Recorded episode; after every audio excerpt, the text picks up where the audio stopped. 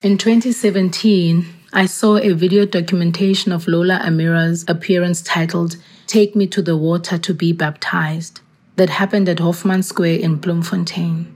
They had set up 10 plastic black chairs, and each chair was accompanied by a round army green plastic basin, green candle and candle holder, a small packet of sea salt, a white foot cloth, white socks, a small bottle of lavender oil, and a 5 liter bottle of water.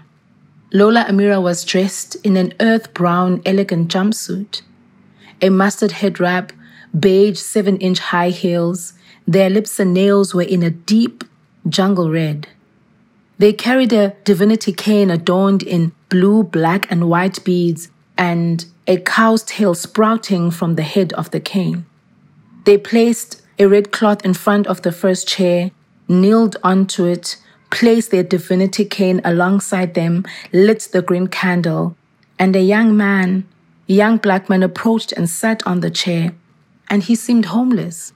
And he seemed that he hadn't washed for days or weeks on end.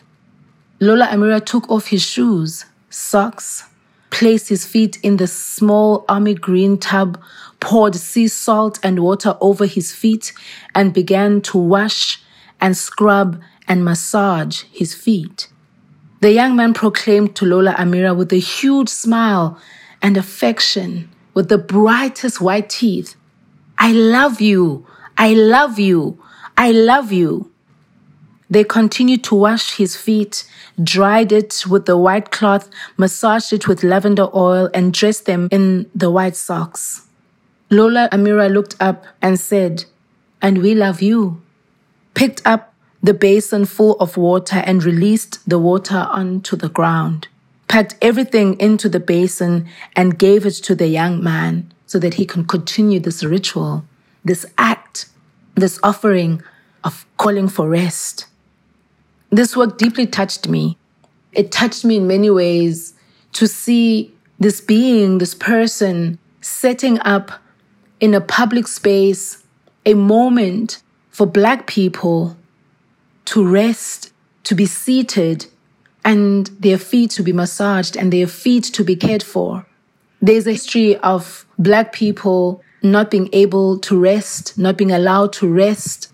And so for me, this work really was important to that moment and where it was happening. But then I later discovered that the work was an act of remembering SS Mendi, a ship that sank with over 600 South African black men in 1916 who went to fight for the British in the First World War.